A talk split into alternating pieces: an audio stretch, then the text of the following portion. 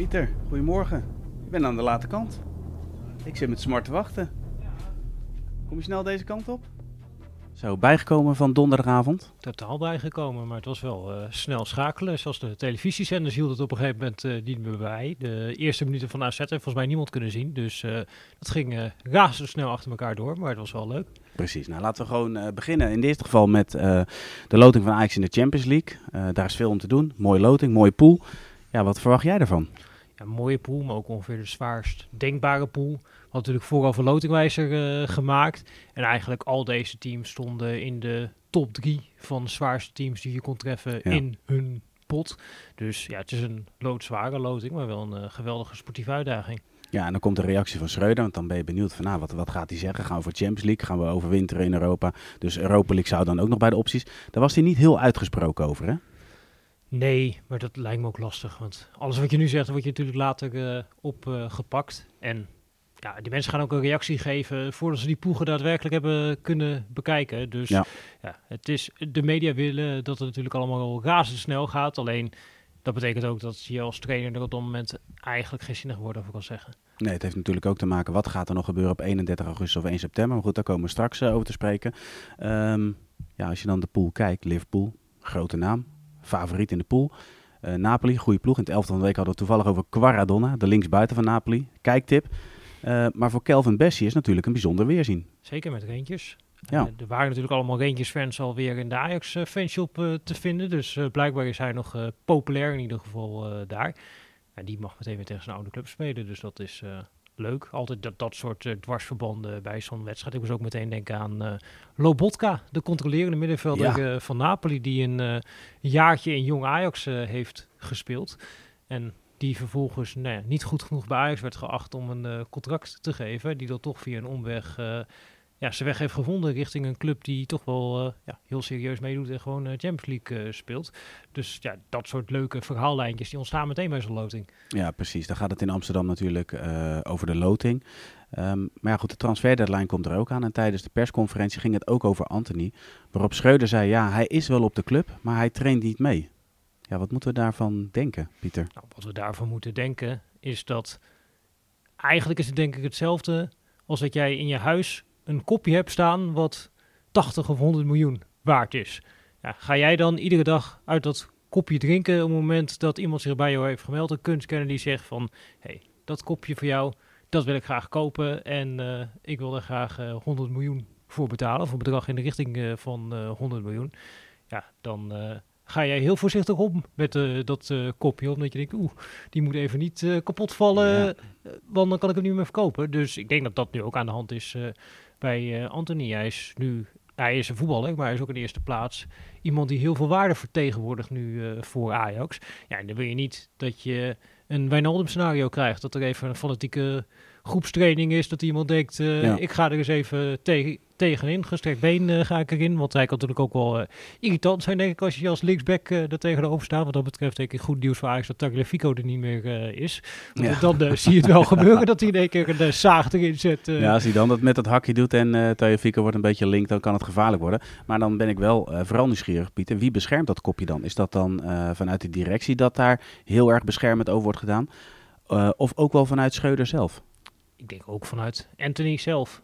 Want daar zitten ook, oh, dat is bekend, er zitten allerlei uh, Braziliaanse zaakwaarnemers uh, omheen. Jij denkt dus meer dat het vanuit de kamp Anthony komt? Nou ja, ik denk vanuit alle kanten. Kijk, Ajax heeft er geen belang bij dat hij uh, geblesseerd raakt. Anthony zelf heeft daar geen belang bij. Niemand heeft daar een belang bij.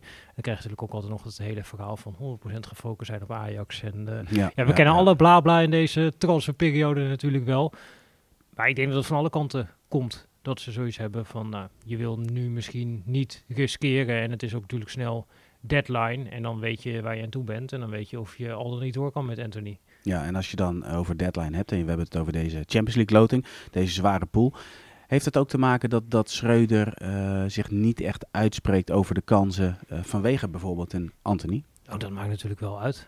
Dat gaat natuurlijk wel een verschil maken of hij er nog bij is of niet. En het was ook wel duidelijk dat uh, Schreuder die link een beetje maakte in zijn reactie. Dat hij ook zei van ja, er zijn allerlei spelers die zijn hier naartoe gekomen voor die Champions League. En wij hebben meer kans op die Champions League op het moment dat Anthony nog in onze ploeg zit, want dat is een goede speler. Dus eigenlijk zei hij ja, Bergwijn is hier naartoe gekomen. Bessie is hier naartoe gekomen. Er zijn allemaal hele grote bedragen voor betaald. Die hebben Ajax verkozen boven andere clubs waar ze eventueel naartoe kunnen. Brian Robbie natuurlijk ook. Die heeft uh, deze week nog laten weten in interview dat uh, ook de nacht hem heeft gebeld. Wil je naar uh, United? Nou, er zijn allemaal spelers dus die gekozen hebben voor Ajax. Om met Ajax in de Champions League te presteren. Ja. ja. die hebben er allemaal heel veel belang bij dat Anthony ook van de partij is in de Champions League. Ja, precies. we gaan het volgende onderwerp uh, bespreken. Dus in dit geval uh, gaan we een treetje lager. Uh, AZ en FC Twente kwamen donderdagavond in actie. Laten we met AZ beginnen. Twee treetjes lager zelfs. Twee treetjes lager, inderdaad. Ja, je bent scherp, Pieter. Je bent heel scherp. AZ, nou, je had natuurlijk een hele gunstige uitgangspositie. gisteren tegen Gil Vicente. Uiteindelijk ook gewonnen. Welke speler maakt nou bij AZ echt indruk op jou? Reinders. Ja, ik denk je komt eh, heel snel uit uh, bij Reinders. Dat is toch wel de sensatie van dit seizoen tot nu toe. Je ziet, je ziet hem zich echt razendsnel ontwikkelen. Ja. En ja, iedereen dacht toen uh, Bazoer kwam, nou die komt voor de plek naast Klaasie. Maar ja, Reinders die maakt zo'n pijlsnelle ontwikkeling door. Dat ja, die lijkt me nu volkomen onomstreden. Als je ook weer ziet hoe rustig hij bij die goal die hij maakt blijft in de 16. En dan ja. zo heel, met heel veel gevoel hem net over zo'n keeper heen liften. Ja, dan zie je wel dat het gewoon een ongelooflijk goede voetballer is. En een hele dynamische voetballer die een fantastische combinatie wat dat betreft vormt met uh, Klaas hier naast hem. Dus ja, dat is wel de speler waar je dit seizoen naar, bij AZ naar kijkt. En dat je denkt, zo, die maakt wel even een uh, ontwikkeling Ook wel knap hè, dat die jonge leeftijd het spel op momenten zo naar zich toe trekt. Zeker, ja, dat is waanzinnig knap. En ja, dan ben je ook meteen raak je nieuwsgierig uh, van, ja, wat is het plafond van uh, zo'n speler. Waar uh, kan dit eindigen? Want ja, het is wel een ja, hele complete voetballer die heel veel elementen in zijn spel heeft wat je wil zien bij een middenvelder. En dus ook nog uh, scorend vermogen erbij. Maar het is natuurlijk ook een hele goede paser. Ja, daar kun je wel echt van genieten. Dat is nou echt een speler waar je je tv voor aanzet. Omdat je er zin in hebt om naar hem te kunnen ja. kijken. Ja, precies. Dat AZ zich uiteindelijk plaatst is geen verrassing. bij FC Twente was het wel spannend. De wedstrijd zelf als je even alle randzaken wegdenkt, was de wedstrijd zelf was fantastisch. Ik vond dat uh, Ron Jans het ook goed zei. Dit zijn de wedstrijden waarvoor je een heel jaar gespeeld hebt vorig jaar. Om je dan te kwalificeren voor Europees voetbal. Dat je dit soort avonden kan beleven met de fans. En wat er ja, op het veld gebeurde. Dat, ja, dit was een van de leukste 0-0's die je ooit uh, gezien hebt. Omdat ja, alles zat erin qua spanning, kansen, omhalen op de paal. Het ging alle kanten op. Twente heeft heel veel kansen gekregen om te scoren. Maar Fiorentina heeft misschien nog wel betere kansen gekregen om te scoren. En dan ja, zo'n laatste minuut ontknoping met eigenlijk twee man die op de keeper afgaan. De niet ik krijgen. Aan de, andere kant een vrije kopkans voor uh, Brunet. En dan een uh, Gordon Banks-achtige redding, zei uh, Roy Jans. Had het ook tegen de spelers gezegd. Die spelers zeiden, wie? ja, maar ja, dat, dat, dat zijn wel ja, de momenten ja, waar je van houdt op zo'n Europese avond. En vond ik dat zij heel goed deden, waar PSV niet in slaagde. Dat zij met hun speelstijl, door gewoon druk te gaan zetten, aanvallend te gaan spelen, dat je, dat je die fans er ook echt achter krijgt. En dat je ook echt zo'n Europees sfeertje had. Nou, en de fans moest ook op een gegeven moment ingedampt worden. Nou, dat ging op een gegeven moment, werd het allemaal te, te heet. Dus dat, uh, ja, dat hoort er dan weer niet uh, bij natuurlijk. Dus nee. dat, dat, dat, is een klein smetje, denk ik, uh, op die avond. Maar het was wel een echte voetbalavond met een echte voetbalsfeer. En ja, dit, dit zijn de wedstrijden waar je het voor doet. Dit soort Europese wedstrijden. En is het jammer dat net niet het kwartje de goede kant op valt. Ja, je zegt terecht dat het een, een, een smet is op die avond inderdaad. Want er werd goed gevoetbald. hele mooie momenten gezien als er een paar spelers uit moeten lichten. laten we eens beginnen met de keeper. Ja, Oenerstal heeft Twente bij, nou ja, met, met momenten echt wel in de wedstrijd gehouden met cruciale reddingen. Klopt, met een andere keeper. Dan kan het ook zo uh, eh, 3-0 staan en dan is uh, alle lucht uh, uit die wedstrijd. Het is geweldige lijnkeeper en dat was hij bij VVV, dat was hij ook bij PSV en dat is hij nu nog steeds bij FC Twente. En ja, dit soort wedstrijden met zijn reflexen is hij gewoon goud waard. Ja, dan de buitenspelers. Die hebben Czerny en op de andere kant natuurlijk de pijlsnelle linksbuiten. Ja, was echt ja, weet je wat dat betreft, als je, als je dan kijkt naar de wapens van FC Twente. De vorige keer hadden we het over Flap en Van Wolfswinkel. Maar de zijkanten zijn ook echt goed. Klopt. En als je dan nog ziet dat zo'n uh, Chiolius, die komt uh, vanaf de bank. Binnen een minuut liet hij even twee keer zien dat hij een fantastisch schot heeft. Als hij daar met, uh, vanaf die linkerkant naar binnen dribbelt. Laat komt natuurlijk bijvoorbeeld ook nog Stijn komt in de ploeg. Ze hebben ook nog daar Rots hebben ze daar. dus ze hebben die flank ook wel opties. En dat doet Jans iedere wedstrijd ook wel slim. Want je ziet eigenlijk bij Twente dat die vleugelspelers worden altijd gewisseld. Die spelen natuurlijk ook een belangrijke rol in de druk zetten. En die kunnen natuurlijk ook, omdat ze eigenlijk weten van wordt op een gegeven moment eraf gehaald, kunnen ze alle energie kunnen ze erin gooien en uh, in hun acties uh, leggen. En ja, dat is wel leuk om daar naar te kijken. Ja, precies. Dan, ehm, ja, als we het over Europees voetbal hebben, gaat het natuurlijk ook altijd over de coëfficiënten. Ja, we hebben drie uh, Portugese ploegen in de Champions League. Dat is natuurlijk voor de coëfficiënten kan dat heel gunstig zijn. Sterker nog, als AZ, PSV en Feyenoord gunstig loten en zij winnen in principe meer wedstrijden dan de Portugese ploegen in de Champions League. Ja, dan gaan we uitlopen, Pieter. Dit is volgens mij een uh, eeuwig coëfficiëntendebat. Want de punten zijn in principe gelijk per wedstrijd uh, die je kan scoren. Of je nou in de, nou ja, de Jut en Jul League, uh, zoals Van Gaal hem noemde, de Conference League speelt. Of in de Champions League. punten per wedstrijd zijn hetzelfde. Alleen als je die Champions League groepsfase haalt, ja, dan krijg je gewoon meteen een bonus erbij.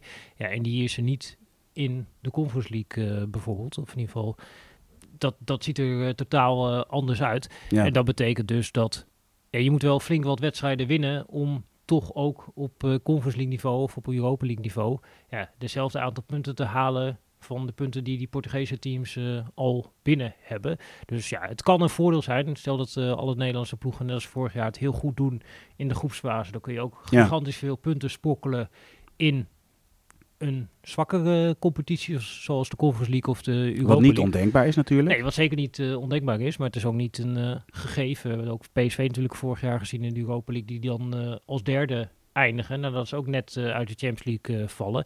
En dat soort dingen kunnen natuurlijk ook gebeuren. Ja, maar als je dan de, de pool er even bij pakt, even Benfica bijvoorbeeld, zit in een pool met Juventus en Paris Saint-Germain. Um, ja, dan zul je dus in die zin op, op de losse wedstrijden, is de kans aanwezig dat ze niet heel veel punten halen. Dat klopt, dat klopt. En nee, de loting moet natuurlijk nog gebeuren voor de Nederlandse teams. Misschien als mensen dit uh, kijken of luisteren, is dat gebeurd. Maar dat is daar natuurlijk ook uh, bepalend in. Want ook in de ja. Europa League kun je ja, een hele zware pool treffen. Maar je kan ook een hele lichte pool hebben. En als je een lichte pool hebt, ja, dan kun je waarschijnlijk daar meer punten misschien wel pakken dan in de Champions League. Alleen als je ook een zware Europa League pool hebt, zoals PSV vorig jaar had. Ja, dan pakken ook niet zoveel punten in de Europa League. Alleen het enige voordeel wat je dan hebt, is dat je dan na de winter uh, toch weer ja, verder mag, uh, waarschijnlijk in de Conference League. Ja, nou ja, het houdt het in ieder geval spannend. Laten we zo zeggen, de komende maanden hebben we natuurlijk heel veel leuk Europees uh, voetbal. vanuit Nederlands perspectief. Um, ja, we gaan naar de rubriek nu, meest gelezen. Dat kwam op VI Pro. En dan zien we de lotingwijzer. Nou, dus aan de hand, van de hand van jou en van Sam Planting. Ja, kun je eens uitleggen, wat hield die lotingwijzer precies in? Die lotingwijzer hield vooral in dat we een beeld probeerde te schetsen van wat kan Ajax. We hebben het ook uh, gemaakt voor uh, PSV, maar dat hebben we s'avonds later al in de prullenbak uh, kunnen gooien. Dus dat werd uiteindelijk alleen Ajax. En wat kunnen die verwachten van ja, verschillende tegenstanders in die verschillende potten? Daarbij hebben we naar twee dingen gekeken. Eén is eigenlijk om een soort van ja, basisidee te krijgen, hebben we naar uh, twee modellen gekeken die eigenlijk niets ingewikkelders doen dan gewoon kijken van hoe sterk is een bepaald team ten opzichte van andere Europese teams. Dus dan ja. krijg je een soort van basaal idee van hoe verhouden teams uh, zich uh, tot elkaar in een bepaalde pot. En het tweede wat we gedaan hebben is dat je wat beelden gaat kijken en het een en ander gaat lezen over zo'n club om een idee te krijgen van nou, A, hoe spelen ze en B, hoe zitten zij nu in het seizoen. En Kijk je dan ook of een tegenstander wel of niet gunstig is voor Ajax in dat geval? Zeker, ja. Je kijkt wel naar speelstijl en dan probeer je ook het beeld te krijgen van ja, hoe sluit die speelstijl aan op hoe Ajax probeert uh, ja. te spelen. Want ja, bepaalde teams zijn natuurlijk vervelend voor Ajax, waar andere teams misschien Ajax goed liggen. Ik denk dat over het algemeen dat Ajax baat heeft met teams zoals bijvoorbeeld uh, Sporting vorig jaar in de groepsfase of Dortmund ja. in de groepsfase, die heel open spelen, die willen opbouwen, die willen druk zetten. Dat soort teams, dat is voor Ajax is dat heerlijk om tegen te spelen. Terwijl als Ajax komt tegen een nou ja, Benfica, zoals gebeurde in de knock-out fase, maar dat hebben we natuurlijk ook eerder gezien tegen nou, Atalanta is natuurlijk in principe een aanvallend team. Maar als die in een laatste groepswedstrijd spelen, wordt het ook een defensief team, zoals dat ook bijvoorbeeld geldt voor uh, AS Roma. En ja. dan, dan kom je als Ajax zijnde toch wat meer uh, in de problemen. Dus je probeert uh, nou ja, ook naar dat aspect te kijken. Ja, want je gaf al aan het begin aan toen we het hadden over de loting van Ajax. Van ja, eigenlijk is het een hele zware loting op basis van dus inderdaad de, ploegen per pot.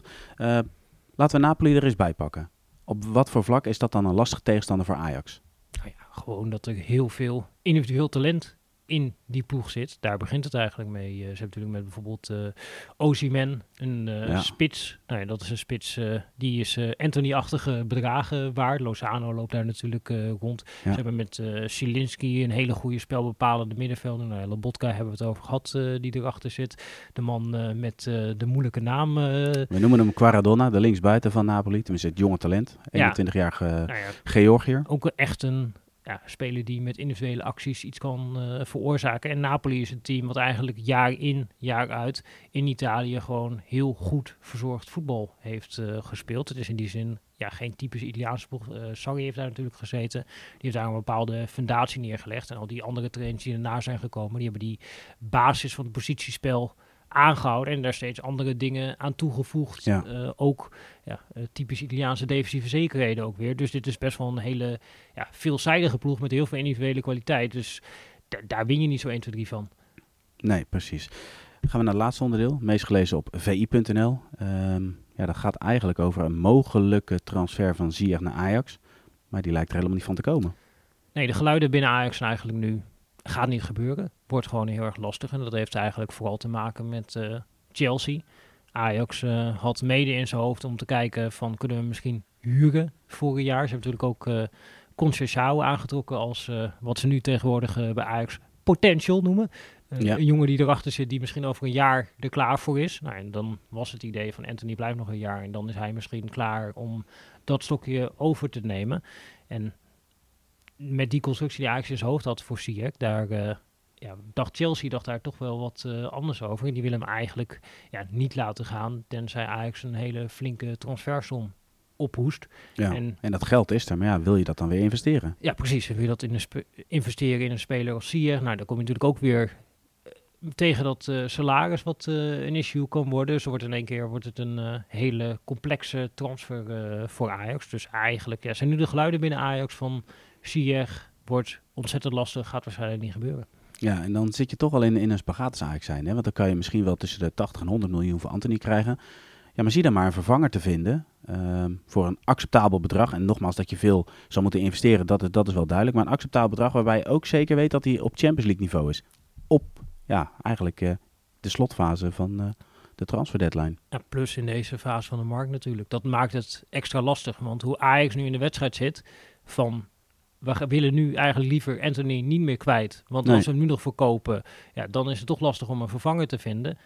Zodra je hem verkoopt, ja, dan weet de club waarvan jij een nieuwe speler wil kopen, die weet ook van, hey, jullie hebben net uh, Anthony verkocht, jullie uh, zitten in een heel lastig pakket, jullie hebben nu een vleugelspeler nodig. Ja, dan gaat die prijs gaat ook keer twee.